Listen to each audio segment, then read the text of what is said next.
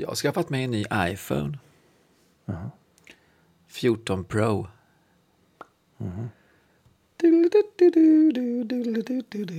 Det, det är lite roligt att jag har bredvid mig en hallon mojito som min vackra älskade fru har gjort till mig. Ja, Det sitter jag framför mig, med, med mig nu och den är urdrucken men det som är lite intressant att ha värmen från det här. Ja. Så helt plötsligt så hör man ljudet av is. Liksom så här, kolla. Det, det är inte jätteviktigt för dig som lyssnar du. Jag tänkte bara att det kan vara intressant och en, en liten eh, bild från verkligheten. Nu när du ändå har liksom börjat prata om is så måste jag ju fråga dig eh, om den är genomskinlig. Nej, inte riktigt. Det, jag har glömt Nej. att göra den med varmt vatten. Man ska göra Nej, is är, med varmt nej, vatten. nej, nej, nej. Det är inte det som är tricket. Eh, för jag var nämligen med min fru på en eh, liten bar uppe i Stockholm. Där har de, det är två tums kuber med is som är helt, helt genomskinliga. Det är som liksom, det är is från Torne älv. Och då frågade vi, hur får man isen att bli så här liksom kristallklar? Jo, den ska frysas ovanifrån och långsamt. Men vad fan, hur kan, du, hur kan du frysa någonting ovanifrån och ner? Vad ska, du, ska du ställa det högst upp i frysen då och flytta det neråt under Ja, frysningen? och sen har du öppet. Så har du öppet, du har öppet där. Du har öppet Öppet? där och sen öppet? har du liksom Vad har Du du? har en som, ja, men du har som en kyl, en, tänk dig en frysbox som du inte lägger locket på. En vanlig frysbox, Men det är fast den här bara- var en liten. Du kan ju fan inte... Nej. Alltså, Då det är kommer ju- va, då 2023, kommer ju kylan- elen kostar 60 000 kronor kilowattimme. Du kan ju fan inte kyla något med öppen... Det är ju bara löjligt. Nej, men vänta Jag blir nu. provocerad. Nej men, nej, men det är inte... Du, du stoppar in kylväskan i din frys. Frysen Ja. har du ju stängd såklart. Jaha. Men det är själva kylväskan som du inte lägger på locket utan då kommer ju den kalla luften kommer ner ovanifrån och fryser Varför ska så. man ställa en kylväska i en frys för? Det är enda sättet att få helt klar is. Så du menar att min fru, som har jobbat som bartender i typ 12 år, hon har fel? Kommer du att Eh, våga absolut. säga det till henne när ni kommer ner Jag kan- jag-? Jag kommer inte vara i samma rum då kan jag säga. Jag ber om ursäkt om den här lilla utvikningen gjorde att ni har stängt av nu, men är ni kvar så ska vi gå vidare och tillbaka till huvudspåret. Ska vi köra eller? Ja, men vi ska väl det.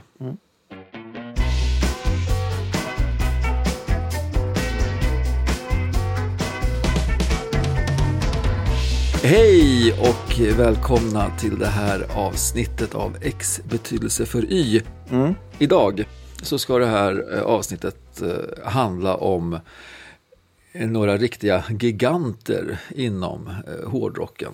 Nämligen Deep Purple och deras betydelse eller eventuella betydelse för dialog. Det skulle man kunna säga. För det var liksom vad våra små lappar i våra små kuvert visade upp för oss. Gav oss i uppdrag. Ja, när, slumpen fick liksom än en gång eh, bestämma Råda. vart vi skulle ta vägen någonstans. Deep Purple, ett av de tre banden i den brittiska flodvåg av heavy metal, hårdrock som tog vid efter att hippierörelsen inte var sannoliken avsomnad men åtminstone vikande. Ja, man brukar säga att Deep Purple tillsammans med eh, Led Zeppelin och Black Sabbath var liksom the unholy trinity of hard rock and heavy metal. Mm.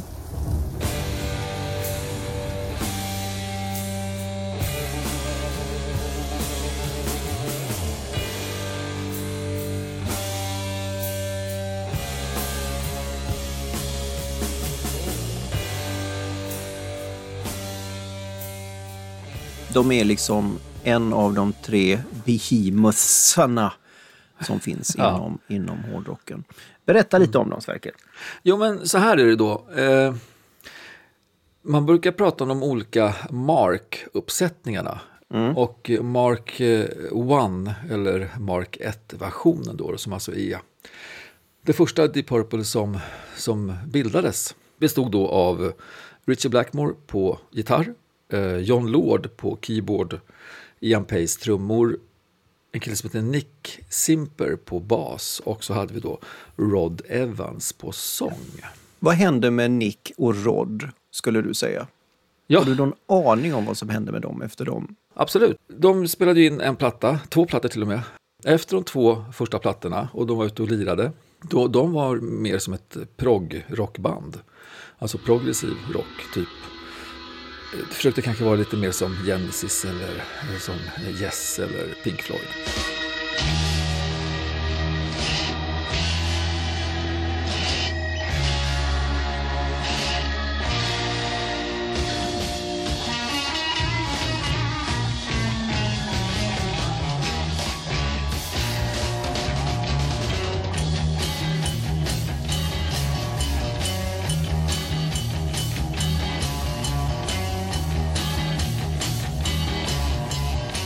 Men då kände eh, Richie Blackmore, John Lord och Ian Pace att hmm, vi vill gå åt lite, lite tuffare, lite mer hårdrockiga hållet. Och då kom de helt sonika överens om att nej, men då, då passade inte Nick och eh, eh, Rod in i den här ekvationen. Eh, och Rod hade väl redan känt att mm, det här det musikaliska som de höll på med i replokalen och även på konserterna var kanske inte riktigt åt det hållet som han ville gå. Och mm -hmm. han var ju polare med Nick. De var liksom, de hade hoppat in tillsammans i det här. Så Rod sa, eller Nick liksom... sa, jag går Rod, då går jag med. Var det så? Ja, nej, riktigt så enkelt utan Rod sa de väl till, eller de gjorde väl någon form av liten deal där att nej men det här funkar inte. Med Nick så var det inte riktigt så, för att de hade alltså då hittat eh, Ian Gillan som ny sångare efter lite olika tester. De testade faktiskt Rod Stewart och lite andra eh, prominenta mm. sångare där i slutet på 60-talet. Men fastnade för Ian Gillan. Och då var det Gillan som sa att ah, det är så här, om jag ska vara med i det här bandet då kräver jag att min eh, polare och tillika skitbra basist eh, Roger Glover får vara med. Så att eh, det var på det viset som, som han kom in. Det var till och med så att Nick eh, hade nog, han var inställd på att han skulle komma till en studio för att spela in en eller två låtar. Men sen fick han reda på att nej, de var tydligen redan inspelade med den här eh, Roger Glover. Då, då, så att då var det inte så stor mening för honom att ta sig dit.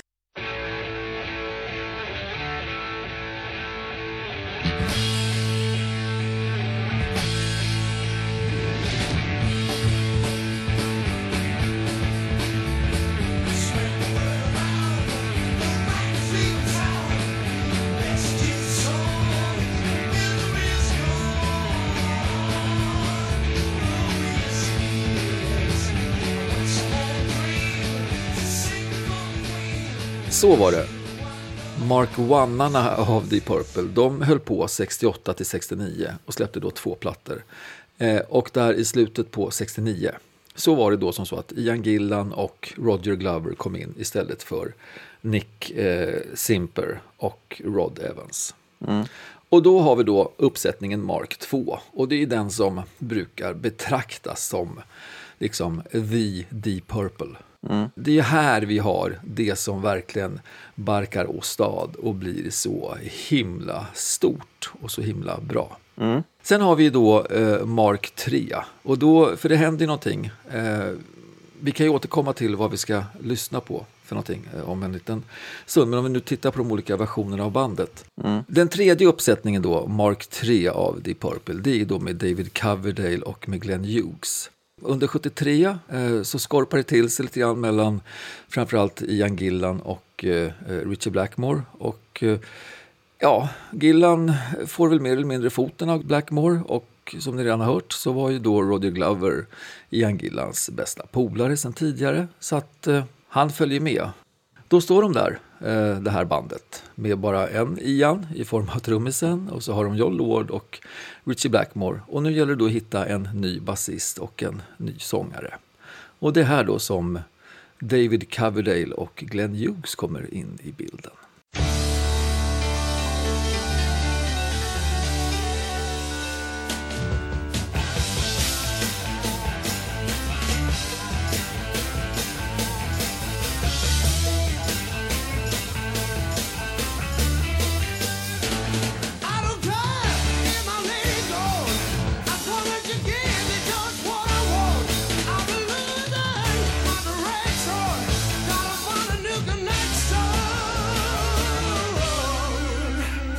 Glenn Hughes som basist och Coverdale som sångare. Men, och det här är lite kul, för jag lyssnade på en podd med Glenn Hughes. Och när han blev kontaktad av skivbolaget för att de tänkte att han skulle vara en bra liksom, snubbe i Deep Purple, då trodde han att han var tilltänkt som sångare. Mm. För att han har ju en fantastisk pipa. Mm. Alltså, Deep Purple har funnits i en massa versioner. De har släppt ut en massa plattor. Eh, men vi tänkte faktiskt fokusera på de här uppsättningarna av Mark 2 och Mark 3. Alltså mm. med Gillan och Glover och sen då Coverdale eh, och eh, Hughes. Och mm. varför ska vi göra det? Jo, vi har en liten idé. Vi ska bara prata om två stycken liveskivor. Unheard of. Det har aldrig någon gjort tidigare. Jag kan inte tänka mig att en, någon musikpodd har gått igenom bara två liveskivor. Det, det är glimrande, genialt. Jag är, jag är glad och tacksam att få vara med dig, Sverker. Tack. Nej, men det var ju lite grann så här tänkte jag. Mm. Att när vi, när vi drog fram Deep Purple och eh, Dialog så kände jag direkt så här, ja, men gisses, det här blir ju jättekul. För det är någonting som jag hade någon feeling av att det här bandet har, så var det dialog. Alltså dialog, eh, kanske inte mellan medlemmarna, men inte minst i rent musikaliskt. De är ju superkända för den här Made in eh, Japan och eh, Made in Europe. Då, då. Mm. Så då tänkte vi det att vi lyssnar stenhårt på de här två liveskivorna för att kunna hitta det här, det här magiska med Deep Purple. Mm. Hur de har hållit på med dialog mm. med sin musik, inte minst på livescenen. Jag har aldrig i hela mitt liv lyssnat så intensivt och så mycket under så kort tid på två stycken plattor. Alltså aldrig, in, inte ens i närheten av det jag har gjort nu. Mm. Fram och tillbaka, mor morgnar, kvällar, på väg till jobbet, på väg från jobbet, när man har suttit och haft tråkigt.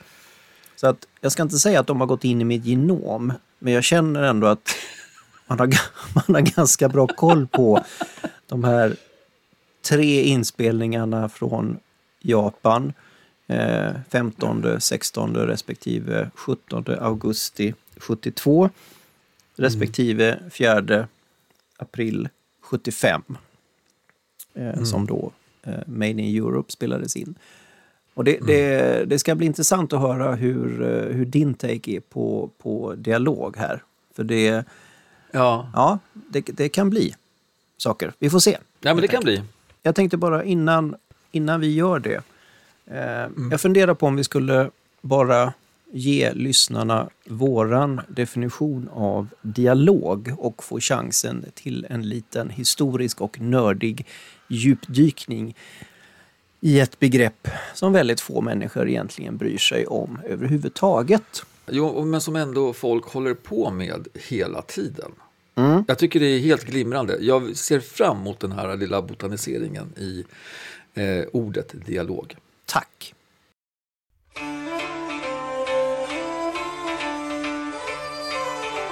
Vi befinner oss i tidigt 1200-tal. Eh, fornfranskan har ett ord som heter dialog. dialog är ett fornfranskt ord som betyder litterärt arbete bestående av ett samtal mellan två eller flera personer. Det är lite intressant. Eller flera mm. tycker jag. Verkligen. För dialog har man ju vuxit upp med betyder inte det utan det är när två människor pratar med varandra. Så tycker ja, inte fornfransoserna på 1200-talet att det är i alla fall. Nej, eh, det, och franskan och fransmän har ibland en tendens att hävda att de har uppfunnit saker och ting. Eh, ordet dialog har de inte uppfunnit.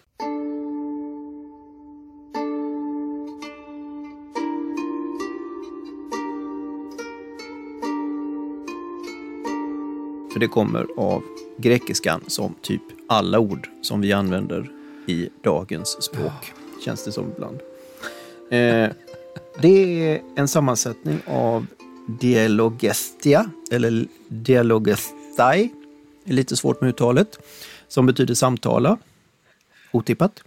Eh, det ordet, dialogestai, kommer av orden dia, som betyder tvärs eller igenom, och lägga in, eller lägga in, eller lägga in, som betyder tala. Mm. Jag pratade ju för en minut sedan om att det här fornfranska ordet betydde litterärt samtal mellan två eller flera personer. Och det gör det för att det. dialog betyder inte samtal mellan två personer. Det är en feluppfattning därför att man har blandat samman orden dia och di. Mhm. För dia som sagt, det har vi ju redan berättat, det betyder tvärs eller igenom. Di däremot, det betyder två. Just det. Ska man ha Men vi- hörru, jag- Ja. jag, jag, förlåt, ja, förlåt, får jag bara säga det, det är jättekul med, med DIA. För att vi som har hållit på lite grann med fotografering genom åren vet ju att DIA är också en, en, en positiv bild som man lyser liksom med, med en lampa rakt igenom och så får man Ja. upp den på stor bild.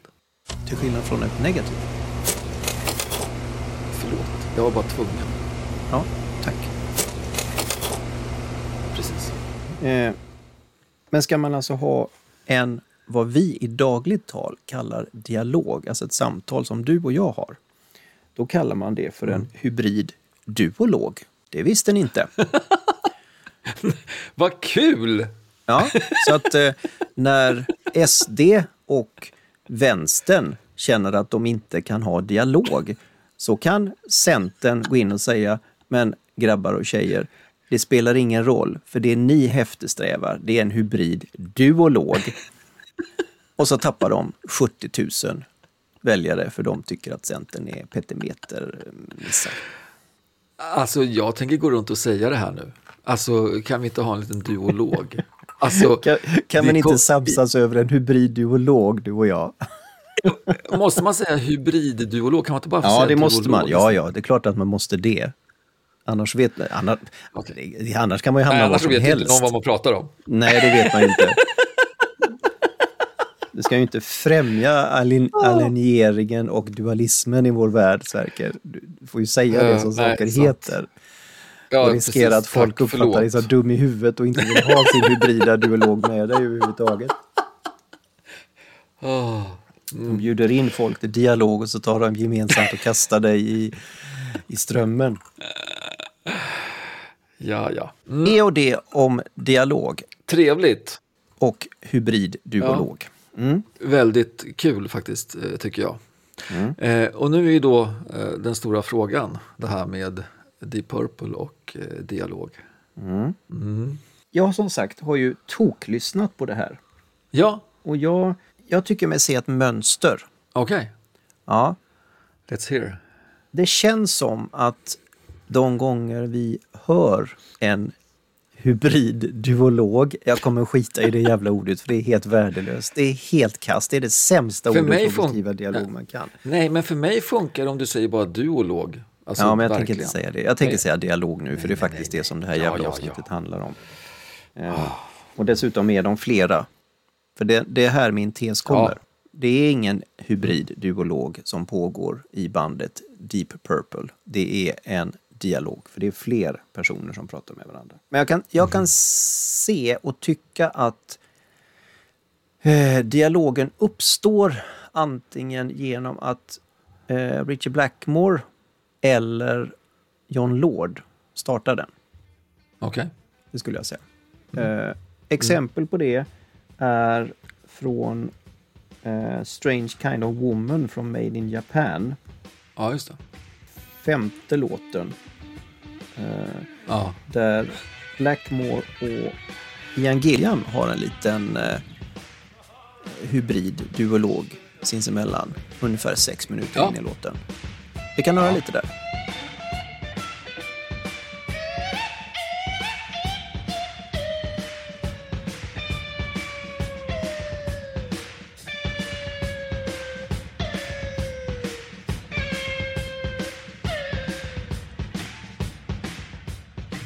Jag kan tycka att det är lite synd att Richie Blackmore har så svårt att föra en hybrid-duolog vid sidan av konserterna eller utanför studion. För att han gör sig ovän med ganska många människor och det tycker jag är synd. Därför att den den pipan som Ian Gilliam uppvisar här, det är ju helt sinnessjukt. Helt jävla galet. Det, de, Ja. de, han, han kör ju typ på, på 12 14 bandet på sin eh, Gura och, och eh, Ian Gillan bara eh, nailar det. Är helt sinnessjukt hur, hur jävla Ja. högt han kan gå alltså. Utan tvekan. Det där var just det här lilla avsnittet som du tog nu. Det var där som jag tänkte då när vi när korten gav oss att vi skulle prata om Deep Purple och dialog så kände jag, ja ah, men smutt. För att de har en massa sådana här dialog som jag då betraktade som att det är två stycken som, som växelverkar mot varandra. Och det var den här episoden ifrån eh, Made in Japan som jag tänkte på. Var det det på riktigt? Ja, men alltså, sen upptäcker jag då, då efter att ha lyssnat igenom Made in Japan, Mm. så ja, det var det. Det var det som var dialogen. Jaha, du känner övrigt. inte att du har något mer? Det finns en massa bra låtar här, eh, Mm. men dialog, nej. Monologer, en massa monologer. Mm. Ja, det tycker finns jag skitmycket monologer. Men däremot, alltså Ja, de det är är, de. så grymt samspelta. Ja, det är ett tajt band. helt grymt samspelta som FAN, men det är mono, låg R. Inte så mycket dialog, tycker jag. Eh, Det är väldigt, väldigt sällan som jag behäftar dig med ett fel, Sverker. Men jag skulle faktiskt säga att du har det nu. För jag håller inte med. Vad härligt! Mm, och jag skulle säga att du har fel åtminstone på två ställen. Det är bra. Och du har det på två ställen i en och samma låt. Ja, De här två felen som jag har behäftat dig med, Mm.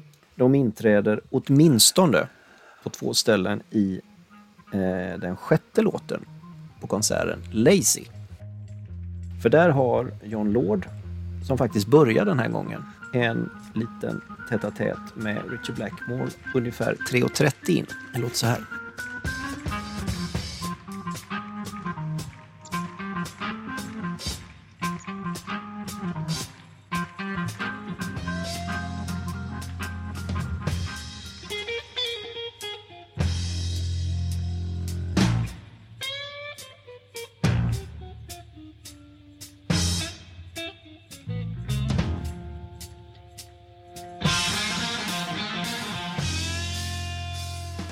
Inte så otydligt.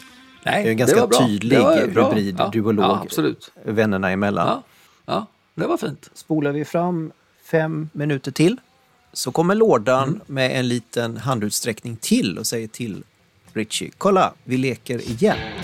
Och då gör de det så här.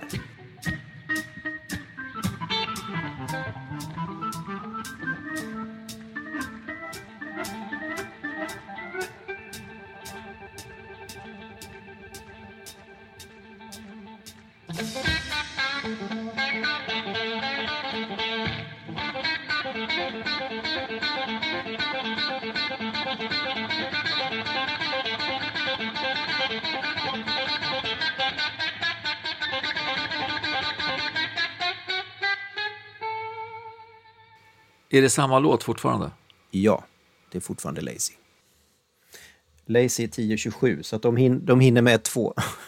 Jag ville bara med det eh, på något vis eh, säga att det här med eh, korta låtar, eh, det är ingenting som bara Led Zeppelin hade problem med. Utan det, det har ju även Deep Purple klara problem med, inte minst när det gäller lajvar. Men eh, bra exempel, jag gillar när jag blir lite tilltufsad. Det är bra. Ja. Jag kommer i alla fall hålla fast vid att de är mer monologer än eh, dialoger. Det skulle jag säga är tvärsant. Och det blir än mer sant när vi går över och börjar titta på Made in Europe. Jag vill ändå hålla mig kvar lite i eh, Made in Japan. Ja, det tycker jag. Originalskivan släpptes ju Mm. som en dubbel-LP där Highway Star och Child Ja. in Time är på sida 1. Smoke on the Water, The Mule, sida 2. Strange Kind of Woman och Lazy på sidan 3. Och sen Space Trucking tar upp hela jävla fjärde sidan. Och det är lite synd, för den Ja. finns ju inte på Spotify, så du kan ju inte lyssna på den annat än på något sånt här eh, Mega Woofer special. Men det är lite synd, för jag hade velat ha den på, på eh, Ja, på originalet original. liksom. Ja, men den får man eh, Mm. titta Ja, sig omkring lite. Vad, vad som däremot finns på den så kallade originalskivan Ja. på Spotify. Det är lite extra material. De har Black Knight som kom eh, på någon sån här CD-utgåva lite senare. De har Speed King som också kom på någon sån här specialutgåva. Och sen så kör de Little Richards Lucille.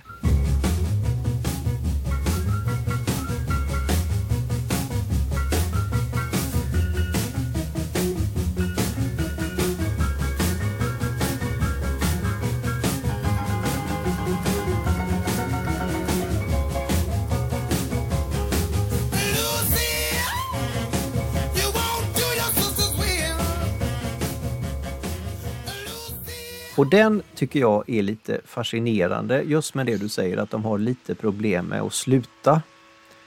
Mm. Därför att introt, Deep Purples intro till Lucille mm. är typ 3.30. Eh, då har Little Richard spelat klart och börjat på nästa låt för Lucille är i originalversion 2.33.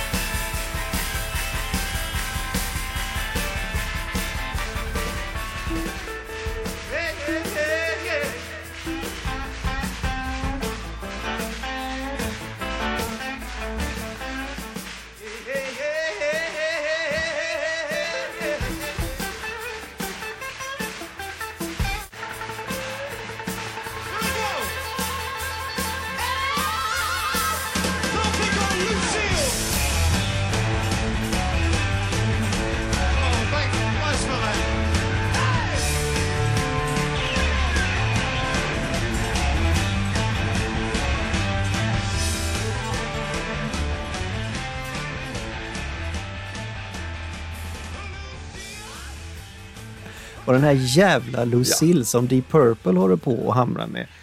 Den är 8.03. Och jag tycker, så bra ja. är inte den låten så att du kan köra den i åtta minuter. Nej, jag skulle säga att Lucille är, känns ganska tjatig på 2.33 eller vad det nu var.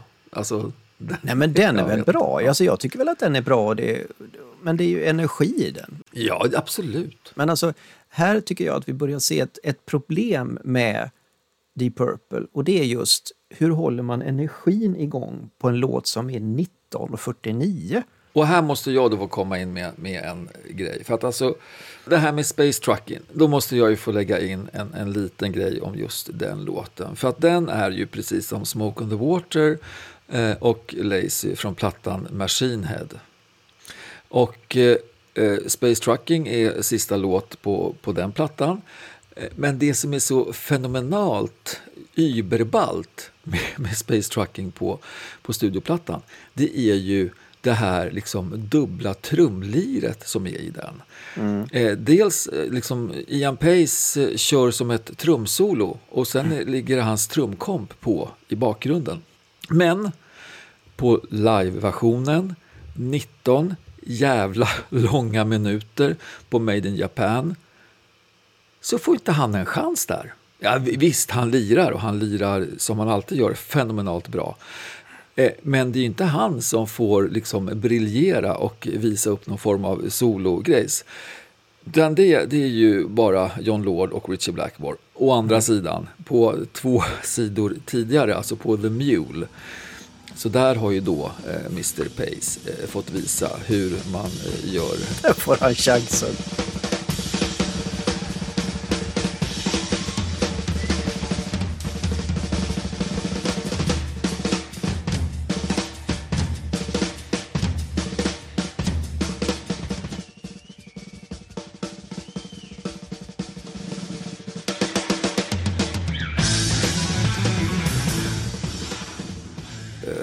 Virvlar och paradidlar och eh, den snabbaste enkelbaskaggefoten eh, i, under den tiden. Ja, tillsammans ja. med John eh, Bonham såklart. Det är väldigt mycket virvelpirvel på honom. Ja, det är väldigt mycket virvelpirvel. Så det var mitt om, om Space Trucken.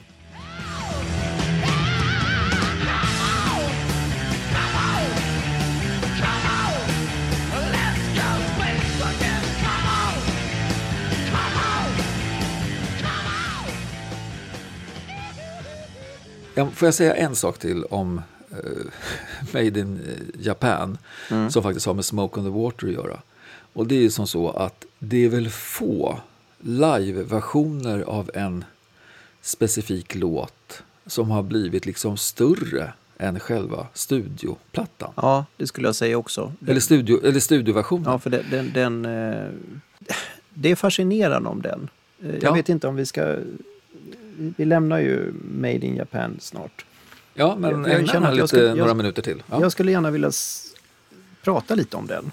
För den är ja, så jävla sönderpratad så att det inte är klokt. Eh, eh, eh, vi tar de självklara sakerna som alla redan vet. Ja. Eh,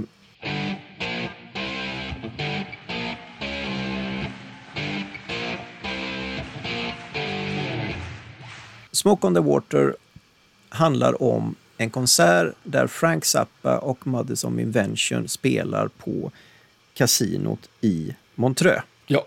Det vet alla. Ja.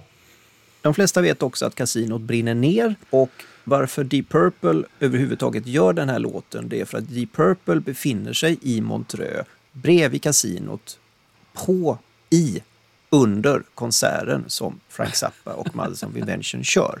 När någon jävla idiot av någon anledning får lite feeling och skjuter av inte ett utan troligen två stycken skott med en nödpistol. Alla vet att om man skjuter av två skott med en nödpistol och inte är på havet utan i ett kasino i Montreux så finns risken att det börjar brinna och mycket riktigt, det gör det. Så att kasinot ja. brinner ner till grunden. Deep Purple står utan eh, någonstans att spela för de hade velat vara i det här kasinot. Och de har med sig, mm. eller rättare sagt, de har fått låna Rolling Stones på den tiden helt unika mobila inspelningsstudio. Och varför de yes. från första början är i Montreux och ska spela på det här kasinot, det är för att de vill fånga liksom känslan av konsert i en studioplatta då. Det är ju mm. ganska häftigt. Ja, ja, visst. Det som kanske alla inte vet då, det är att det finns en inspelning från en bootleg som heter Swiss Cheese Fire. Där då mm. just det här när det börjar brinna är fångat. Okay. Vill man lyssna på det så finns den på Youtube. Den finns inte på Spotify för det är en bootleg och de brukar inte läggas ut. Men 1.20 och 30 någonstans in så har de börjat att spela låten King Kong. Och helt plötsligt så tar det slut. Mm. Och så skriker Howard Kalen, som då är bandmedlem till Frank Zappa. Fire! Arthur Brown, in Och varför tycker man att det är roligt då om man lyssnar på den här podden? Jo, för att första avsnittet av Alice Cooper så berättade vi att nämnde Arthur Brown var en skräckrockare som var en av de stora förebilderna för Alice Cooper. Och en av hans då mest berömda låtar är just Fire. Så jag kan ju tycka att det är jävligt roligt att Howard Kalen har sinnesnärvaron att säga Fire, Fire ladies and gentlemen by Arthur Brown.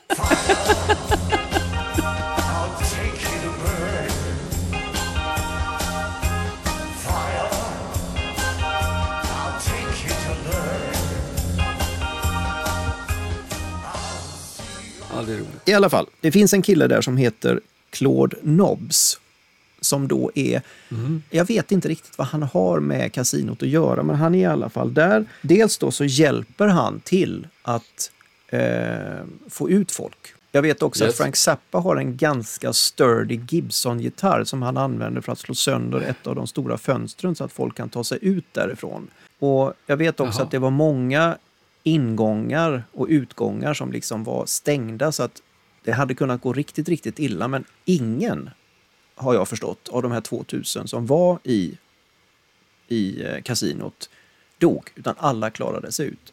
Och Claude okay. Nobbs, mm. eh, han då jobbar ganska hårt med att få ut en massa kids som tydligen av någon anledning har tagit sig ner i något kök eller någonting sånt och hjälper dem ut. Och han omnämns sedan i, eh, i eh, jag tror det är vers två eller någonting sånt. Fonke Claude eh, hjälpte ungarna ut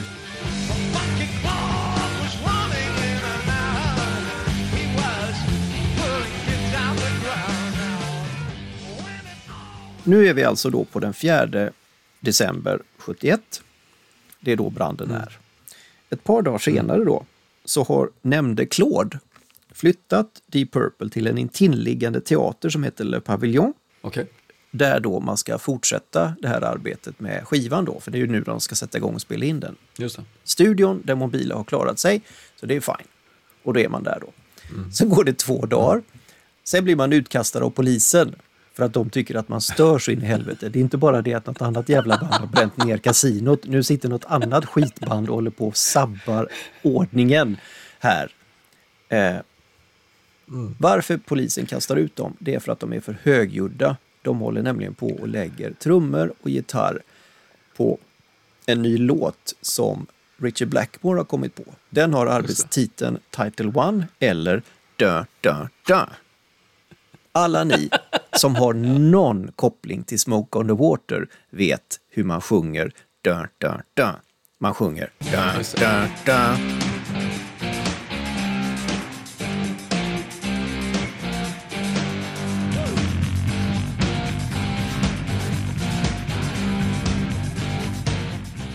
Det är alltså riffet nu som de håller på att spela in när polisen kommer och säger nu får inte ni vara i Montreux längre, nu åker ni ut härifrån. Ja. Ytterligare några dagar efteråt så vaknar Roger Glover med orden Smoke on the water, fire in the sky surrande i huvudet. Han nämnde dem för Ian Gillan. Ian Gillan går upp på sitt rum, eller vad han nu är, skriver texten. Och resten är historien.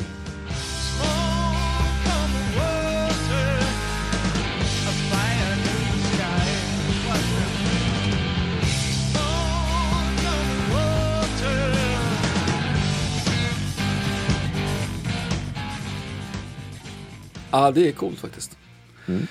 Eh, det hör ju faktiskt lite grann till det här med att Deep Purple var ju inte kända för att vara lågspelande. Tvärtom så ristade de ju faktiskt in sig i Guinness rekordbok som det högst ljudande eh, rockbandet eh, Ja. någon gång där på, på 70-talet. Så att Ja. eh, de var kända för att lira väldigt högt. Ett decennium senare så puttade Motorhead ner dem till andra plats tror jag, men de satt där ganska länge.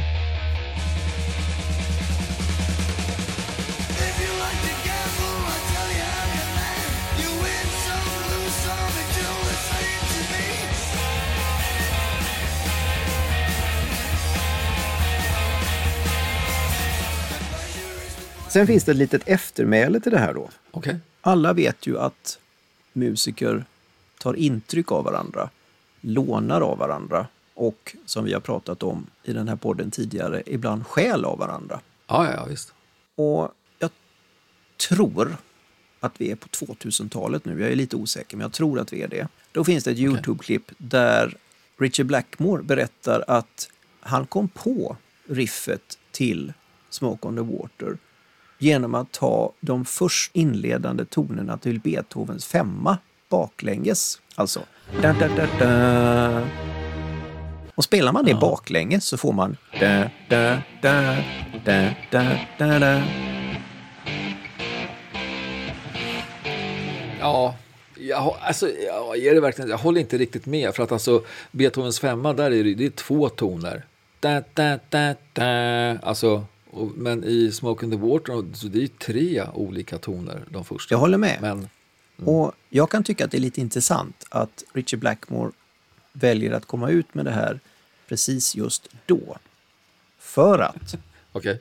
det är inte så att en klassisk kompositör 164 år innan den här låten släpps på skivmarknaden har inspirerat Richard Blackmore. Det finns åtminstone två andra. Okej. Det ena är en bossa nova-kung som heter Carlos Lyra som åtta år innan Ja. gjorde låten Maria Moita. Vi lyssnar lite på den.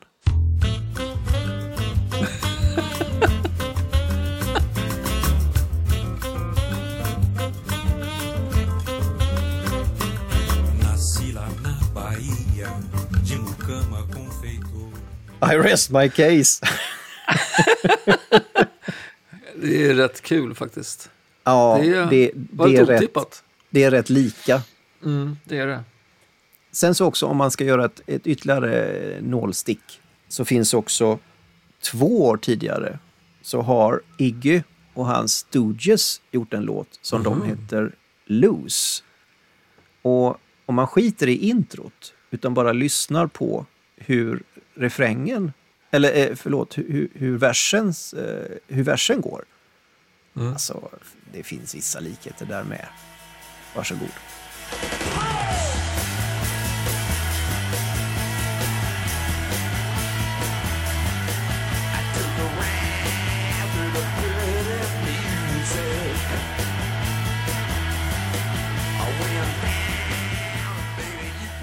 Ja, men absolut. Men det är ju lite grann så här. Eh, all musik har redan gjorts på något vis. Det handlar bara om att, eh, och det här har vi sagt hur många gånger som helst tror jag, eh, steal with pride and make it your own på något vis.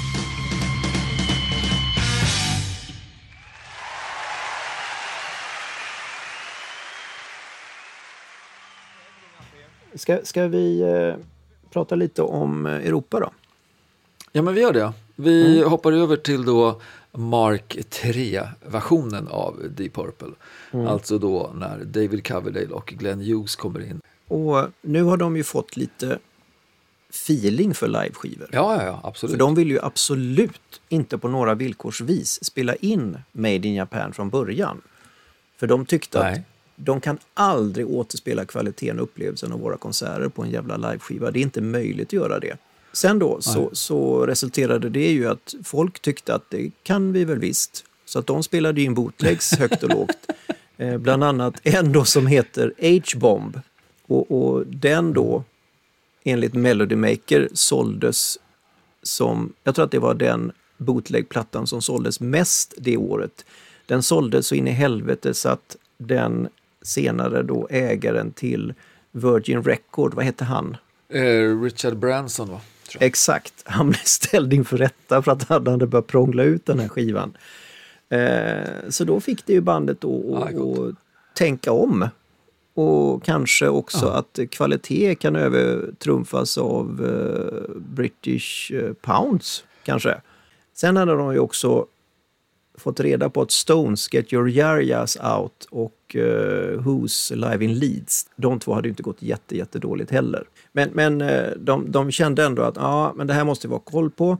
Så att dels så sa de, producent, det är ju inte klokt att det är jag som säger det, men producenten på deras två tidigare plattor, Martin Birch, sa han ska vi ha med. Vi ska bestämma vilken teknik som ska vara med och vi har också sista säget på om vi släpper det här eller inte. Och det sa de då till, till eh, Warner Bros. Och Warner Bros sa ja, ja, ja, okej. Så att när de skulle köra detta då i Japan, då fanns ju inte tekniken på plats, vilket de tyckte var surt. Och då kände de att vi skiter i kvaliteten. Vi, vi eh, fokuserar på att göra en bra show istället. Ja, och då gjorde de det då. Och sen så var det så att Made in Japan var aldrig tänkt att släppas utanför Japan, för det sa de, det vill vi inte att den görs. Nu sket ju Warner Bros det också, släppte den i hela världen. Och så sålde den platinum på två veckor och då kände de att, ja vad fan, vi kanske har något här då. Och det balla med Made in Japan är att eh, det finns inga, de har inte lagt på ett enda spår, inte någonting. Eh, John Lord sa vid någon intervju att han hade för sig att det finns en strof eh, i en av låtarna som Ian Gillan la på i efterhand för att han hade trampat på mick, micksladden. Men det har inte kunnat liksom bevisas att det verkligen var så, utan det är live. För vi har ju hört talas om många andra så kallade liveplattor. Där det är kanske, där det är typ trummorna som är kvar. Allt annat är liksom pålagt i efterhand i studio. Så att det är ju, om inte annat, det är ju eh, mind-blowing på något vis. Riktigt Ja, det det. häpnadsväckande att de, de, de sätter det liksom. Sen finns ju, eh, Ja. sen är ju inte alla, det, det är ju inte som jag trodde alltid inspelat liksom i en ordning. Det märker man ju när man börjar lyssna på det. Nej, nej, det är ju nej, naturligtvis, man har plockat lite där man tycker att det funkar och det här är också inspelat från tre tillfällen. Som vi sa, femte, Ja, precis. 15, 16 och 17 augusti. På två olika ställen, Absolut. Osaka och, och Tokyo. Men nu var det egentligen Made in Europe som vi skulle prata om. Ja, vi, fan vi kan ju inte sluta prata om Made in Japan. Nu slutar vi prata om Made in Japan. Så, färdigt.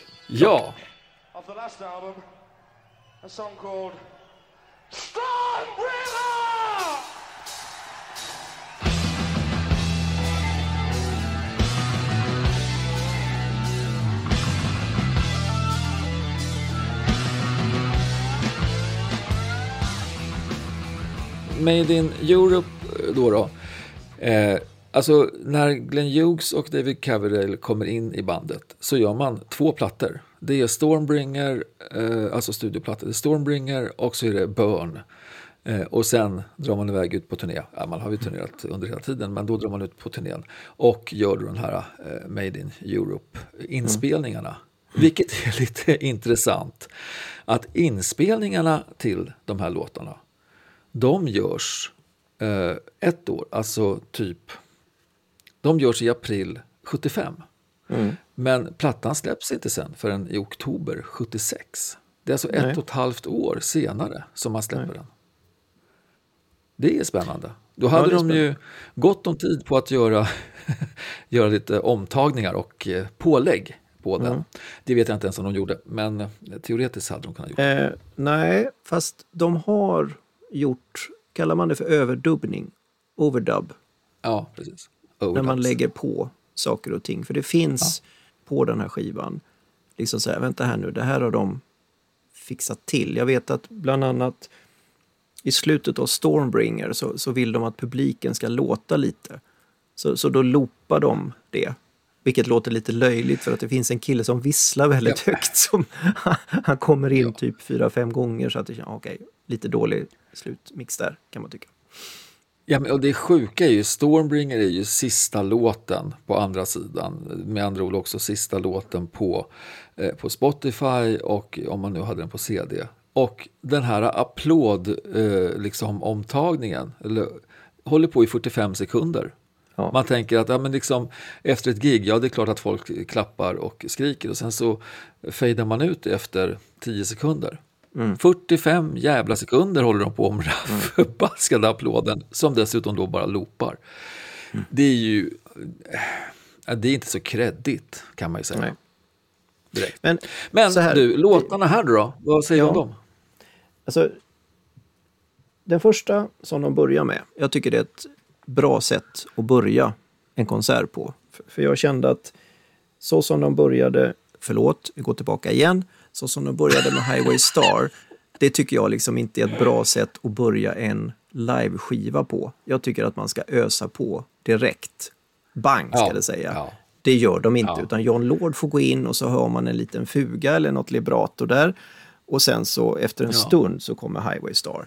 Ja, Mera då eh, Made in Europe, där smäller man på. Och Burn, det tycker jag faktiskt är deras by far bästa låt. För jävlar vilket ös det är den. ja. det är det.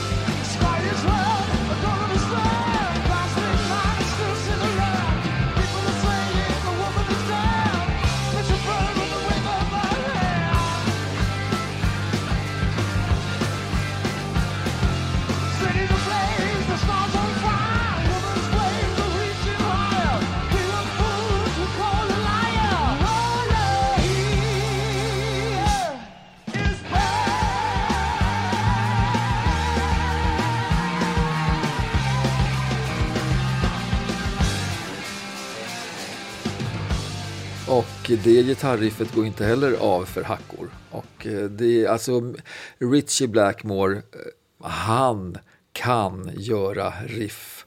Alltså han kan göra melodiriff. Eh, Han trakterar gitarren på alla möjliga sätt och vis. Och oftast jävligt bra. Och det säger ju alla i bandet att han är ju liksom deras, vad ska man säga, kreativa kärna. Det, det var ju Ja, typ nästan alltid som han kom med någonting som alla, ja men det där är bra, det, det jobbar vi vidare Mm. på.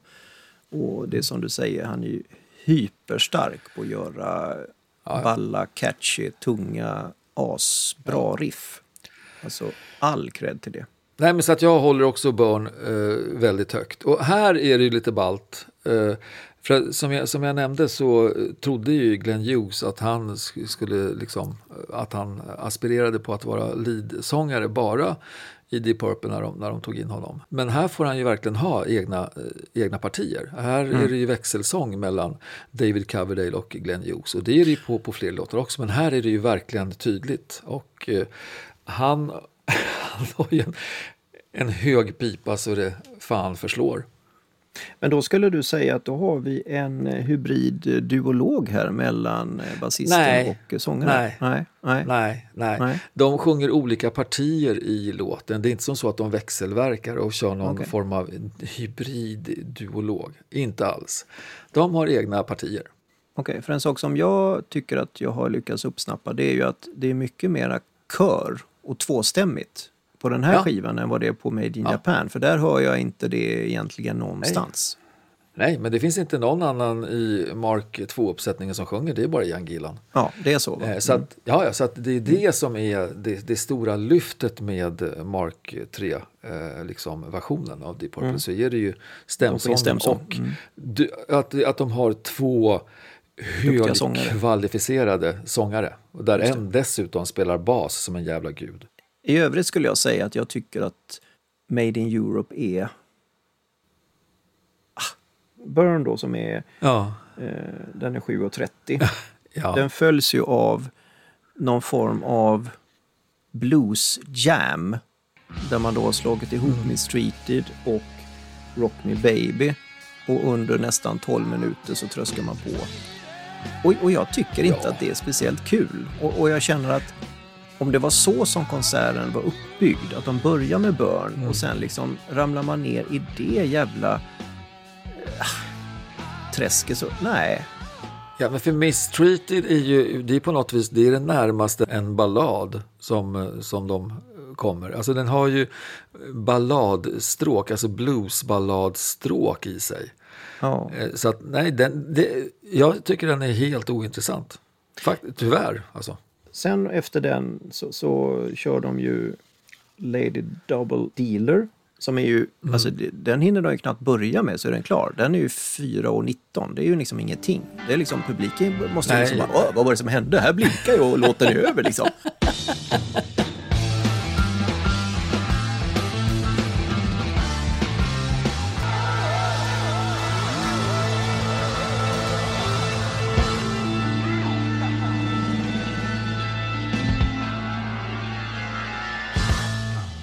De släppte ju två eh, singlar ifrån plattan Stormbringer. eh, Där den här Lady Double Dealer var den ena och eh, titellåten Stormbringer var den andra. Som då eh, avslutar hela, hela plattan. Som vi sa med applåd över dubbningen.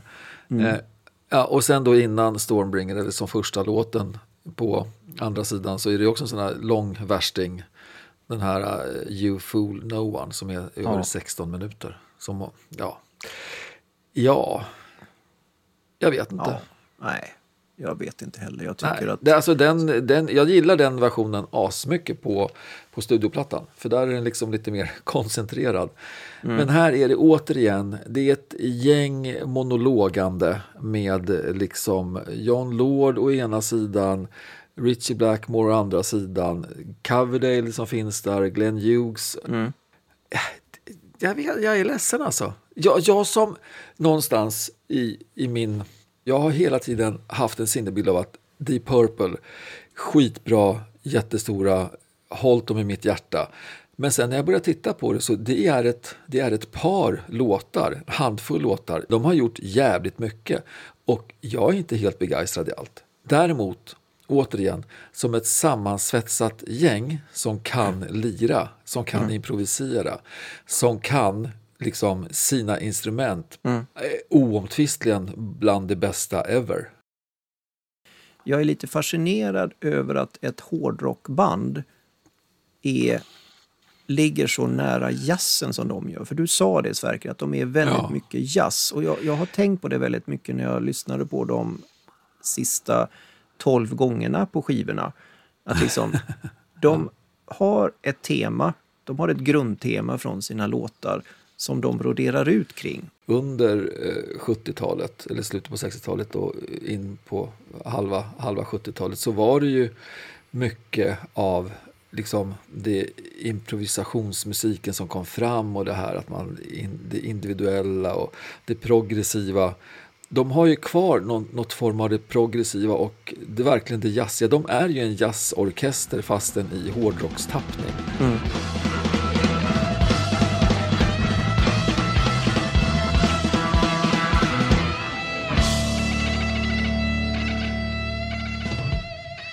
Jag, jag, har, jag har upptäckt att jag har en väldigt, jag är väldigt dubbel när det gäller Deep Purple. Har jag insett nu sista liksom, veckorna. Jättedubbel. Ja, men jag kan hålla med dig för att det, vi kan ju sitta här och, och brodera ut och vara mallapor och tycka sådär. Men alltså det finns ju en anledning till att de blev ett av världens största band. Det finns en anledning till att de Ja, finns visst. kvar, att de spelar fortfarande. Eh, sen är också, det var den tidens musik. Eh, Precis. precis som du säger, man, man skulle sitta ner och lyssna, man skulle inte stå upp och dansa. Man skulle vara Ja, mer introspektiv, man skulle låta solorna ta sin tid. Man, man tittade på klassisk musik och på jazz. Det är klart att de är ett Absolut. barn av sin tid. Men Ja. jag kan också förstå varför ett gäng ADHD-människor med lite för kort stubin uppfann punken. För att hade Utan jag, tvekan. för hade jag gått på några av de konserterna på den tiden och haft en gitarr så hade jag fan uppfunnit punken själv. För jag hade fått fullständigt dåndimpen. Jag hade aldrig Yes. klarat av att sitta igenom en hel konsert. Aldrig någonsin. Jag hade skjutit ut mig Nej. fullständigt. Ja. Så det, det, det är inte konstigt att, att eh, det här, eh, vad ska man säga, konsert, arena, rocken ersätts av, av eh, ja, men Stooges, eh, MC5, Sex Ja, men- Pistols och de här. ja, Alltså. men precis. Ja,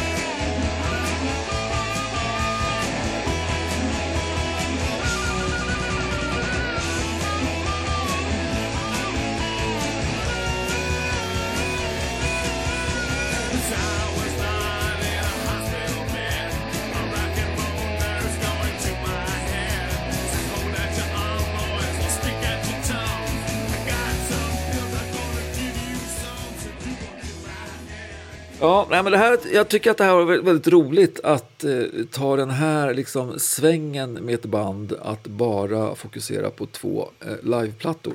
Eh, Utifrån liksom, det här kommunikativa eh, dialog. Då då. Eh, liksom, vad, vad hittar vi där? Mm. Ja, kompis, vad hittar vi där då, tycker vi? Hur, hur står sig Deep Purples betydelse för dialog? Ja, men vi har ju pratat med varandra ganska mycket de senaste veckorna och varje gång så har jag sagt nej, men ingenting, det kommer aldrig att funka. Konklusionen är ingenting. Det är sämre än Ozzy Osbournes betydelse på pedagogik. Det är noll, det är nada, notitutte. Fast jag vet inte längre. Nej, du Eh, svänger alltså? Ja, för, för jag kan säga att med tanke på det vidgade, den vidgade definitionen av ordet dialog som vi nu har fått lära oss, att det är ett samspel Ja. mellan flera, eller ett samtal mellan flera, Ja. så skulle jag säga att de absolut har en viss betydelse. Ja. Men jag skulle också säga att de har nästan större betydelse för monolog. Nej, men jag, jag, jag jackar in där eftersom, eftersom vi nu fick, och det var verkligen nu under eh, rådande inspelning som jag fick liksom, den förnyade betydelsen av vad, vad dialog eh, står för. Och eftersom jag då har flera gånger under det här samtalet pratat om hur samspelta de är. Eh, och då, då, då handlar det om att man faktiskt har någon form av kommunikation sinsemellan för att få de här alstren att eh, ljuda på det viset som de gör och vara så pass medryckande och häftiga ändå som de såklart är. Så ja, där eh, får vi väl ändå ge Deep Purple en liten eh, fana och fanfar av att de, nog fasiken har de haft en ganska stor betydelse då för dialog inom det här området. Ja, skönt att ha klarat av det. Ja, då har vi klarat av det. Ja. Vad ska vi ta på nu då tycker du? Jo, nu kommer det hända två saker. Få höra. Dels så kommer vi att förse er glada lyssnare med ett litet bonusavsnitt. eh, när vi har mixat och lagt ut det här avsnittet. Eh, det är nämligen så att Förra avsnittet så spelade vi in så in i helvete mycket material så vi kände att inte ens vi kan med och lägga ut allt på en gång. Så vi klippte faktiskt bort en hel halvtimme av sista avsnittet av gitarrens betydelse för tonalitet. Så det kommer vi Ja. göra som ett litet, eh, vad ska vi säga, bonusavsnitt. Som en liten cliffhanger kan vi säga då, då att eh, den gitarristen som vi har pratat om idag omnämns lite grann i det avsnittet. Ja. Eh, det andra Ja. stora är att vi har hittat en Anders till. Vi har, vi har, vi, ja, Andersar har vi, har vi inte, lider vi inte brist på kan vi säga. Nej, av någon anledning så har vi massa Andersar i våran, eh, i våran gemenskap och en av dem eh, träffade jag på, på en liten eh, sån här get together och eh, ganska sent på den get togethern så frågade jag honom, men du, ska inte vi kunna göra något kul? Kan inte du vara med i vår podd? Och det tyckte han lät jätteroligt. Och så fick han lov att bestämma vad han faktiskt ville prata om. Och han kom med Ja. sånt jävla bra ämne så att jag tänkte, ja, men det är klart att vi ska ha det. Eh, och och det, det har vi heller inte tänkt på tidigare. Det har vi också missat fullständigt. Ja, det har vi faktiskt. Så att nästa avsnitt kommer vi inte att dra ur några två kuvert. Utan det Nej. kommer vi låta Anders Avehall hjälpa oss med. Ja. Och det Yes. avsnittet kommer att heta Rockbandens betydelse för... Logotyper.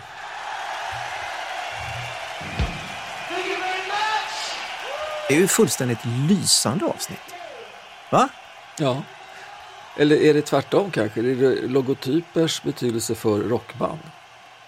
Ja, fast det faller ju inte, det går ju inte. Vi, vi säger ju att vi alltid ska ha rocken. Nej, sabba inte nu min anala inställning till det här. Det här går inte. Oh, jag får, jag får klåda. Nej, Förlåt. Det här kommer Klipp vi klippa bort. Det bort. bara. Ja, det kommer vi klippa bort. utan- Ja, nej, det blir faktiskt väldigt häftigt att prata om eh, rockband och logotyper. nu är det ju dags att, att, att börja släppa in sommaren, va? Är det inte det? Ja, ordentligt. Och alla, alla våra små planteringar behöver skötas om och sådär. Ja. Precis. Hörru du kompis, nu ska vi göra det vi brukar göra på slutet. Nu ska vi faktiskt ta och tacka alla våra kära poddlyssnare som orkade med oss en gång till, ända hit in Ja. till slutraden. Och eh, Man börjar förstå hörs. Deep Purple, hur man kan göra så här mycket av så lite. Återigen, stort tack för att ni lyssnar och eh, skriv gärna till oss. Eh, kom med förslag på eh, band eller kommunikationstermer som ni tycker att vi borde göra någonting med. Det vore himla kul faktiskt. Men fram till dess så får vi önska er en alldeles ljuvlig, underbar, härlig och skön sommar. Och håll utkik efter bonusavsnittet, för det kommer någon gång under semestertiden. Vi säger bara twanga twang. Ha det gott! Hej hej.